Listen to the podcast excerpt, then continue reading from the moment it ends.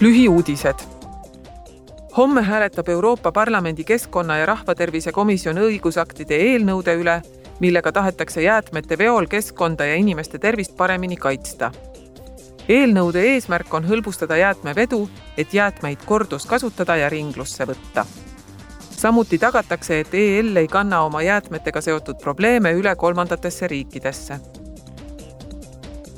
homme võtab parlamendi põhiseaduskomisjon vastu ettepanekud, millega tugevdatakse Euroopa Liidu kodanike õigust hääletada ja kandideerida Euroopa Parlamendi valimistel, kui nad elavad teises liikmesriigis.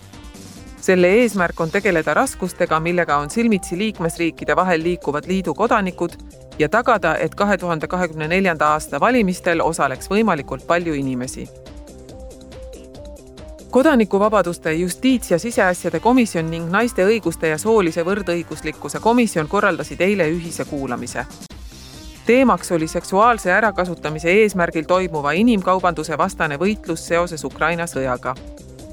kuulamisel keskenduti sellele, kuidas tagada, et sõja eest põgenevad inimesed ei langeks inimkaubitsejate ja seksuaalvägivalla ohvriks